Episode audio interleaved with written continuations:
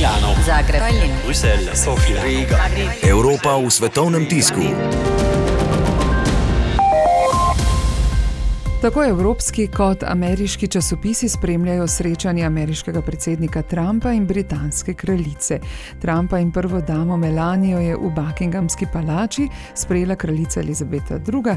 in njegov tridnevni obisk na otoku so že zasenčile pikre izjave.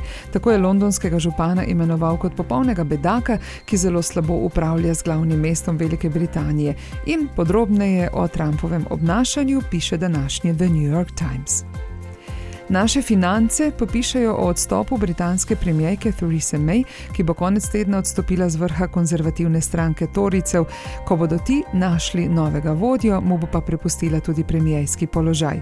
Kar nekaj kandidatov se vidi na premijejskem položaju, Borisa Johnsona podpira tudi ameriški predsednik Trump. V financah pišejo, kako bo izbran novi britanski premije, kdo so štirje kandidati, ki jim na otoku pripisujejo največ možnosti za to mesto in kakšno je stališče četverice glede Brexita. Nemški Frankfurter Allgemeine Zeitung pa piše o zlati mrzlici, ki trenutno vlada v Nemčiji na območju Saške in Švarcvalda. Morda se komu nasmihajo veliki posli z litijem. Surovina se uporablja za proizvodnjo baterij, ki se ponovno polnijo in se večinoma ugrajujejo v električne avtomobile. Dva nemška pionirja sta se tako odpravila iskat to dragoceno dobrino. Eden od njiju želi liti pridobivati v Boliviji, drugi pa načrtuje rudnik v Nemčiji. Kaj to pomeni za proizvodnjo električne električnih avtomobilov v Nemčiji, preberite torej v časopisu Frankfurter Allgemeine Zeitung.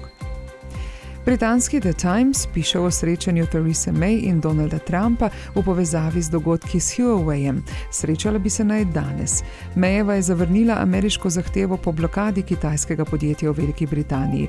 Trump pa jo je opozoril glede sodelovanja z nekaterimi telekomunikacijskimi giganti in namignil, da bi lahko ZDA prenehale sodelovati z Veliko Britanijo, če bo Huawei ostal. Milano, Zagreb, Tallinn, Bruselj, Sofija, Riga. Evropa v svetovnem tisku.